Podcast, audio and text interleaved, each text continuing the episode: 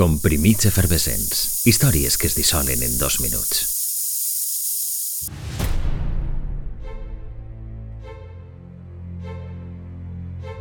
D'aquella època són els coneguts com atacs de zeros.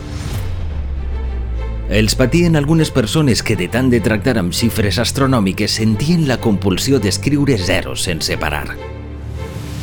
No era d'estranyar si la compra diària era un desafiament d'enginyeria financera. Un 25 de febrer els forts de Berlín posaren a la venda la barra de pa a 2.000 marcs. I només és un exemple puntual.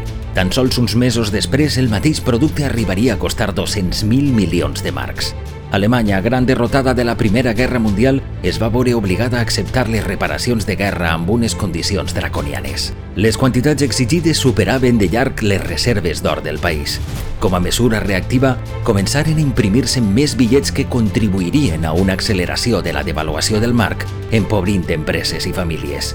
De rebot, apareixeria un fenomen conegut com hiperinflació que pujaria els preus a nivells estratosfèrics. S'arribaren a imprimir bitllets per valor de milions de marcs.